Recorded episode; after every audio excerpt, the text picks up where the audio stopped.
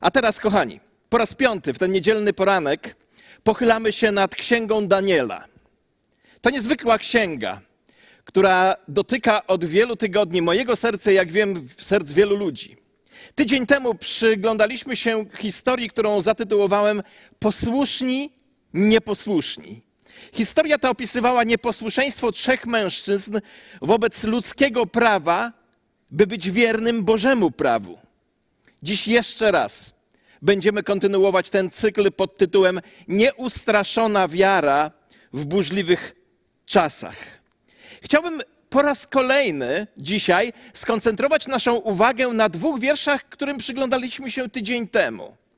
Ale to są kluczowe wiersze trzeciego rozdziału, dlatego jeszcze raz chciałbym, byśmy zwrócili na nie szczególną uwagę. Posłuchajcie. Trzeci rozdział Księgi Daniela, 17-18 wiersz. Nasz Bóg, którego chwalimy, a mówią to tutaj trzej młodzieńcy, którzy za swoją odmowę pokłonienia się posągowi, który król zbudował i kazał się mu kłaniać, byli, ich życie zostało zagrożone, oni wypowiadają takie słowa. Nasz Bóg, którego chwalimy, może nas wyrwać z pieca rozpalonego ogniem i z Twojej ręki. I posłuchajcie tego uważnie. Czy wyrwie nas królu, czy nie wyrwie, czy wyrwie nas, czy nie wyrwie? Cokolwiek się stanie, niech ci będzie wiadomo, królu, że nie będziemy chwalić Twoich bogów, ani nie oddamy pokłonu złotemu posągowi, który wystawiłeś. Rozpoczynając ten cykl, powiedziałem, że jestem przekonany, że Bóg zainspirował nas do pochylenia się nad księgą Daniela nie tylko po to, by nas przeprowadzić przez obecny czas pandemii, ale jeszcze bardziej, by przygotować nas na to, na co, co nas czeka, gdy ten czas już się zakończy. Stąd ponownie chciałbym, żebyśmy zwrócili się do tych dwóch wierszy przeze mnie przeczytanych, by odpowiedzieć sobie na pytanie, a co jeśli nie? Zapamiętajcie to pytanie, a co jeśli nie? Gdy patrzymy na historię ludzkości, to najbardziej prześladowaną grupą wyznaniową byli i są chrześcijanie. Organizacje wspierające chrześcijan prześladowanych co roku podają zatrważające statystyki, za którymi stoją cierpienia milionów ludzi. Nie wiem, czy zdajemy sobie sprawę, ale ponad 600 milionów chrześcijan żyje w 50 krajach wchodzących w skład Światowego Indeksu Prześladowań. Według organizacji, która zajmuje się wspomaganiem prześladowanych chrześcijan, Open, Open Doors, ponad 260 milionów chrześcijan zmaga się z prześladowaniami o bardzo wysokim stopniu. To są męczennicy XXI wieku. Dla nas tutaj w Polsce słowo męczennik należy do innego czasu i innego miejsca. Prawda jednak jest taka, że więcej chrześcijan zabito za wiarę w ostatnim stuleciu niż we wszystkich poprzednich stuleciach łącznie. Oczywiście, ktoś powie, że przecież populacja ludności tak bardzo wzrosła, ale prawda jest taka, że skala prześladowań ludzi wierzących Chrystusowi jest ogromna. Dlatego, czy chcemy, czy nie chcemy, musimy postawić sobie pytanie, czy coś takiego może dotknąć także i nas. Czy ktokolwiek z nas może w ciągu swojego życia zostać wezwany do zapłacenia najwyższej ceny z powodu swojej wiary i ufności Chrystusowi? Chciałbym się przez chwilę podzielić z Wami moim odczuciem. Ja jestem bacznym obserwatorem historii, jestem bardzo, bardzo bacznym obserwatorem tego, co się dzieje w świecie. I widzę coraz mocniej, jak bardzo zmienia się nasza kultura. Widzę, jak bardzo wolności, którymi się cieszyliśmy w ostatnich latach, o które walczyliśmy, za które wielu ludzi oddało swoje życia, powoli zostają ograniczane. Ktoś z Was powie, pastorze, straszysz i przesadzasz. Ale chciałbym, żebyś pomyślał przez chwilę o takim zdaniu, które jest w stu procentach biblijne, w stu procentach biblijne. Więc w stu procentach powinno być naszym przekonaniem głoszonym ze stuprocentową odwagą. Posłuchajcie takiego zdania. Jezus jest Panem i On jest jedyną drogą do Boga. On, Jezus, jest jedynym pośrednikiem między Bogiem a człowiekiem. Pomyślcie o tych prawdach stuprocentowo zaczerpniętych z Biblii. Dziś w naszym pluralistycznym świecie oświadczenie, że istnieje tylko jedyna droga do Boga i jest nią Jezus, wiąże się z ryzykiem nie tylko publicznego ośmieszenia, ale może wiązać się także z ryzykiem publicznej wrogości. A co zrobimy? Posłuchajcie tego uważnie, tego pytania. A co zrobimy, jeśli taka jednoznaczna deklaracja, że Jezus jest jedyną drogą do Boga, że jest jedynym pośrednikiem między Bogiem a człowiekiem, uznana zostanie za mowę nienawiści, czyli za przestępstwo? Co zrobimy wtedy? Wiecie, modlimy się w Polsce od wielu lat o przebudzenie. Ale często jest tak, jeśli nie zawsze, że przebudzenie zawsze jest związane z opozycją duchową. Gdy stanowczo, a zarazem z szacunkiem. Niech te wam, dwa słowa wam nie umkną. Gdy stanowczo, a zarazem z szacunkiem do inaczej myślących będziemy stać za Chrystusem i wartościami ewangelicznymi. Możesz być pewny, że śmiałe opowiedzenie się za Chrystusem i wartościami ewangelicznymi będzie się wiązało z niewiarygodnymi osobistymi trudnościami. Posłuchajcie, co powiedział na ten temat apostoł Paweł. Wszyscy, wszyscy, którzy chcą żyć pobożnie w Chrystusie Jezusie, będą prześladowani. Tertulian, chrześcijański apologeta żyjący w II wieku naszej ery, nawrócił się obserwując, jak chrześcijanie śpiewając idą na śmierć. I nic dziwnego, że później powiedział to tak bardzo znane zdanie, że krew męczenników jest nasieniem Kościoła. Kochani, cierpienie wierzących to fakt. Ja pamiętam z osobistego życia, co doświadczałem, gdy przyszedłem do Jezusa. Jak wielkie, wiele opozycji było. Ona nie była na taką skalę, jak doświadczają to nasi współbracia czy i siostry w innych krajach, gdzie są mocno prześladowani. Ale pamiętam, jak wiele opozycji z różnych stron było i w moim życiu. Cierpienie wierzących to fakt. Tak było w czasach Daniela, gdy Szadrach, Meszach i Abednego stanęli przed potężnym królem Nabuchodonozorem, by wyjaśnić swoje nieposłuszeństwo, ponieważ odmówili złożenia pokłonu złotemu posągowi. Gdy król powiedział, że zostaną skazani na śmierć, odpowiedzieli, że król może to zrobić. Może zrobić z nimi co chce, ale ich Bóg może ich uwolnić, ale także może ich nie uwolnić. Lecz bez względu na to, co się z nimi stanie, nie będą kłaniać się posągowi. Nie zaprzeczą swojej wierze. Zastanówmy, zastanówmy się więc nad tym, co oni powiedzieli i jakie to ma znaczenie dzisiaj dla nas w różnych sytuacjach. I w, w sytuacjach wielkich wyznań, wyzwań, i w tych drobnych, wydawać by się mogło, sytuacjach życiowych. Nasz Bóg, którego chwalimy, może nas wyrwać z pieca rozpalonego ogniem i z Twojej ręki. Zobaczcie to wyznanie. Może nas wyrwać z pieca rozpalonego ogniem. To była ich teologia praktyczna. Oni po pierwsze mieli absolutną pewność. Nie wątpili, że król zamierza wrzucić ich do płonącego pieca.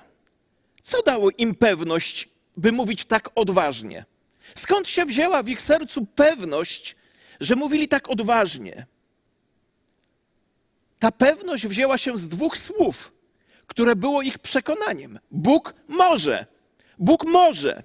Oni znali swego Boga i wiedzieli, co Bóg może zrobić, co mógłby zrobić. Bóg jest w stanie wyzwolić.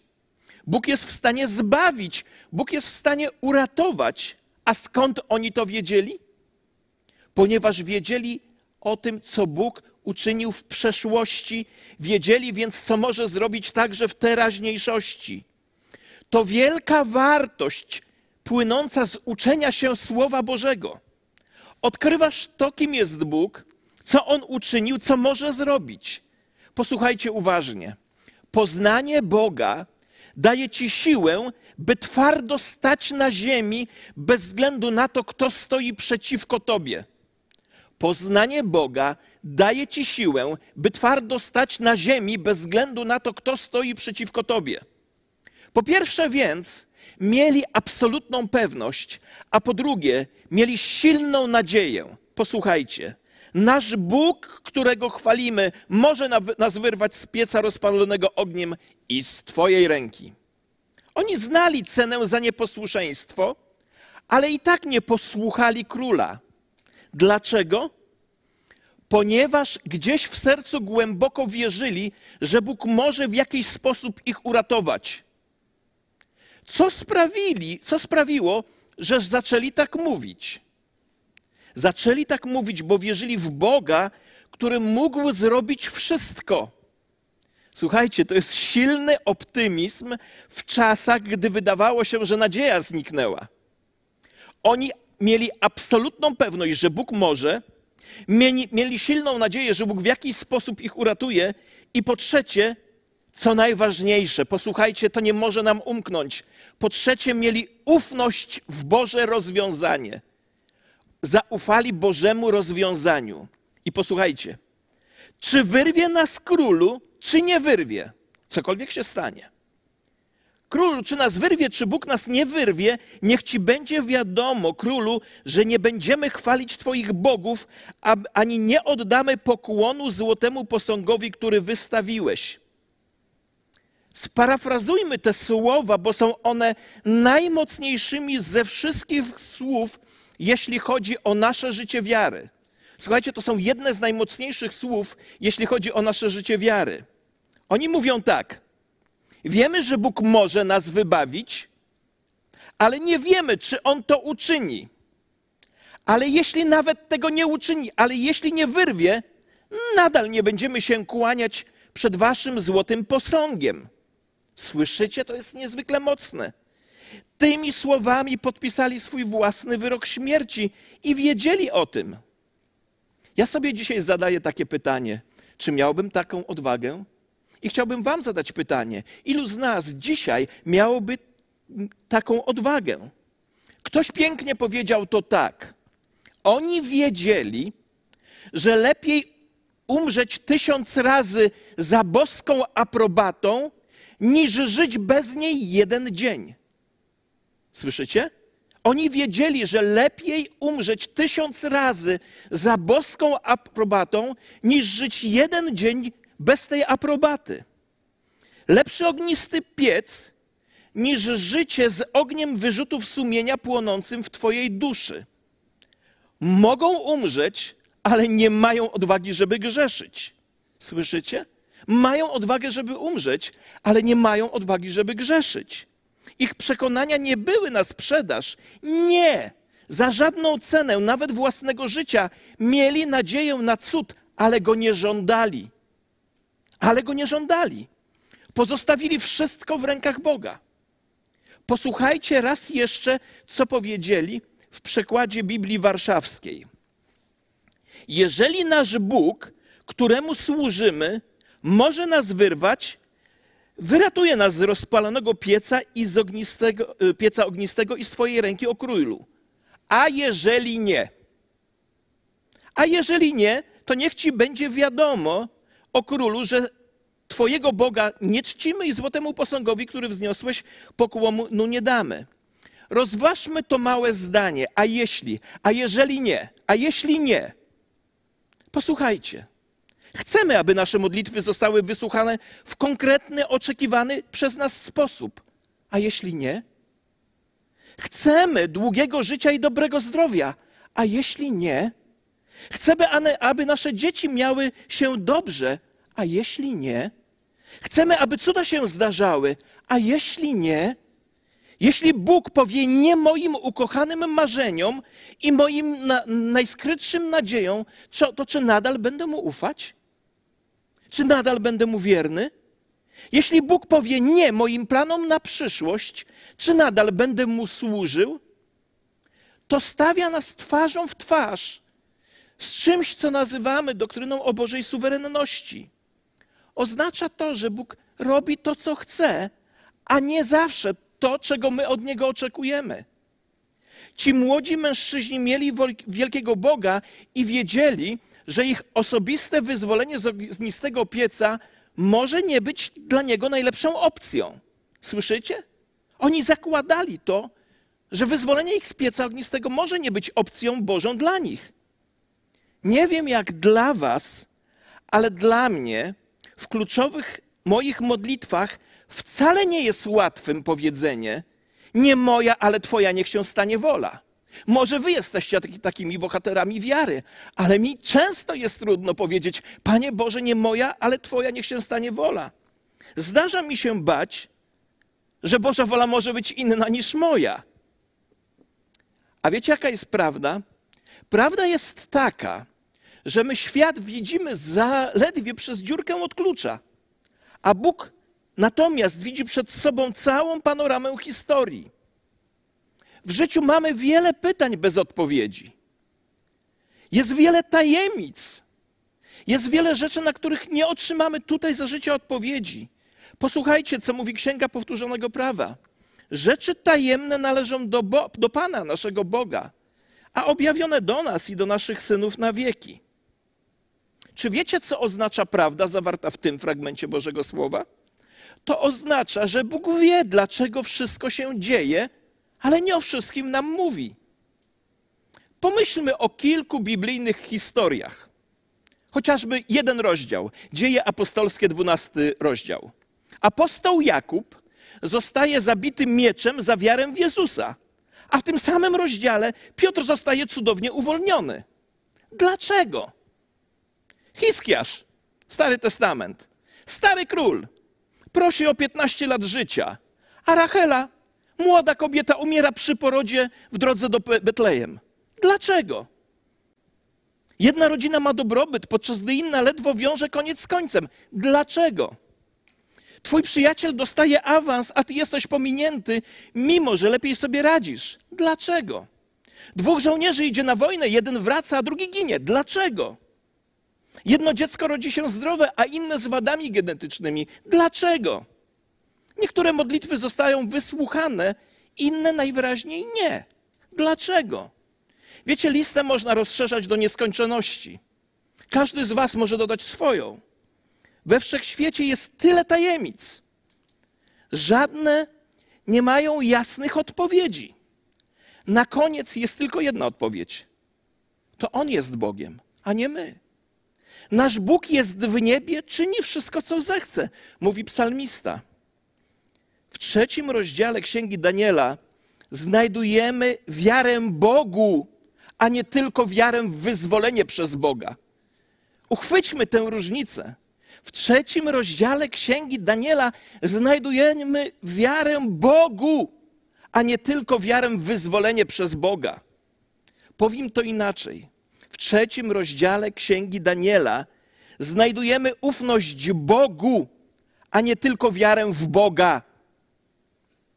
Ci młodzi ludzie mówią tak: Jesteśmy pewni Boga, ale nie jesteśmy pewni, co Bóg uczyni. Wiecie, tutaj nie ma tak zwanej teologii sukcesu. Nie ma teologii powodzenia. To jest teologia zaufania. Ktoś to nazwał drugą stroną wiary. Czy życie wiarą zawsze, zawsze oznacza, że otrzymasz cud, który, na który oczekujesz? Czy życie wiarą oznacza, że zawsze otrzymasz cud, na który oczekujesz? Odpowiedź musi być przecząca. Musi być. Możesz o tym przeczytać w jedenastym rozdziale listu do Hebrajczyków, gdzie wymienione są dwie grupy bohaterów. Niedawno o tym mówiłem. Pierwsza grupa bohaterów to ci, którzy doświadczyli cudu za życia, a druga grupa bohaterów ci, którzy doświadczyli za życia cierpienia, a dopiero po śmierci doświadczą cudu, bo byli wierni za życia bez względu na cierpienia. Ta historia z Daniela stawia przed nami bardzo poważną kwestię. Co zrobię, jeśli Bóg odpowie nie tak, jakbym chciał? Co zrobię, jeśli Bóg odpowie nie tak, jakbym chciała? Czy nadal będę mu wierny, czy nadal będę mu wierna? Czy moja wierność jest wynikiem spełniania przez Boga moich oczekiwań? Wiecie, jaka jest dla mnie największa modlitwa? Największa modlitwa wiary to jest ta modlitwa, którą Jezus wniósł w ogrodzie Getsemane. Posłuchajcie tej modlitwy. Jezus powiedział tak: Abba Ojcze, dla Ciebie wszystko jest możliwe. Zabierz ode mnie ten kielich. Jednak niech się stanie nie to, co ja chcę, ale to, co Ty. Wiecie, dla mnie to jest największa modlitwa wiary. Abba Ojcze. To jest pierwsza rzecz. Zrozumienie, z kim mam do czynienia. Mam do czynienia z najdroższym, kochającym mnie tatą, który chce i potrafi dawać dobre dary dla swoich dzieci. To jest pierwsza fundamentalna rzecz w, tej, w modlitwie każdego wierzącego człowieka. Abba tato, najdroższy tato. Drugie, dla ciebie wszystko jest możliwe. To jest wiara we wszechmoc Boga. Mam tatę najdroższego, zatroskanego o mnie, i po drugie, dla niego wszystko jest możliwe. I wiedząc te dwie rzeczy, że przychodzę do mojego taty i wiem, że on wszystko może, w szczery sposób zanoszę mu swoją prośbę. Zabierz ode mnie ten kielich. To jest szczera prośba. To jest szczera prośba, która jest tak niezwykle ważna. Ale powiem Wam, największe zaufanie, jakie spotykam w Biblii, jest obok historii Daniela, jest w tej modlitwie Jezusa. Jednak niech się stanie nie to, co ja chcę, ale to, co Ty. Wiecie, to jest głębokie zaufanie, że Jego rozwiązania są najlepsze. Historia Daniela i modlitwa Jezusa stawia przed nami dzisiaj potężne wyzwanie. Stawia przed nami wyzwanie zaufania Bogu bez względu na to, czy On odpowie w taki sposób, jak ja bym oczekiwał. A jeśli nie, a jeśli nie odpowie, to chciałbym jak Daniel powiedzieć: Niech ci wiadome królu będzie, bez względu na to, jak Bóg odpowie, ja będę mu wierny. Chciałbym być taki jak Jezus, który powiedział: Tato, najdroższy, wiem, że wszystko możesz. Ja bym zanoszę do ciebie modlitwę taką, taką treść, o takiej i takiej treści, taką i taką prośbę, ale jestem gotowy na przyjęcie Twojej woli. Kochani, Dlatego wróciłem dzisiaj do tego trzeciego rozdziału Księgi Daniela. Po to, żebyśmy jeszcze raz przyjrzeli się tej niezwykłej historii, która w połączeniu z historią Jezusa daje mi i stawia, stawia przede mną niezwykłe wyzwanie. Co jeśli Bóg nie odpowie tak, jakbym chciał? Czy nadal będę mu wierny? Czy jestem gotów mu zaufać? Chciałbym. I tego Wam życzę. Posłuchajcie myśli, którą wyczytałem w tym tygodniu. Prawdziwa wiara jest jak latawiec. Przeciwny wiatr podnosi go wyżej. Prawdziwa wiara jest jak latawiec. Przeciwny wiatr podnosi go wyżej. Pochylmy nasze głowy w modlitwie. Panie, dzisiaj, stojąc przed tą historią z księgi Daniela, gdy wspominamy to wydarzenie, które dotyczyło tych trzech młodych ludzi, Panie, ja chcę Tobie podziękować za to, że wierząc w Twoją wszechmoc, byli gotowi przyjąć każdą Twoją odpowiedź i przede wszystkim, bez względu na Twoją odpowiedź, byli gotowi zachować wierność. Panie, dziękuję Ci za modlitwę Twojego Syna Jezusa Chrystusa, która także uczy mnie tego, że jesteś naszym najdroższym Ojcem, który może wszystko, że mogę do Ciebie zanosić prośby, wszystkie, o każdą kwestię, ale że największą rzeczą jest zgodzenie się z Twoją wolą i uwierzenie w to, że ona jest dla mnie najlepsza. I bez względu na to, jaka będzie Twoja odpowiedź, życie w wierności dalej jest najlepszym tego świadectwem, świadectwem tego zaufania. Panie, niech tak się stanie to w moim życiu, w życiu nas wszystkich, kiedy będziemy stawali w takich sytuacjach. Daj nam moc, daj nam siłę do tego, byśmy tak właśnie żyli i tak Tobie ufali. Amen.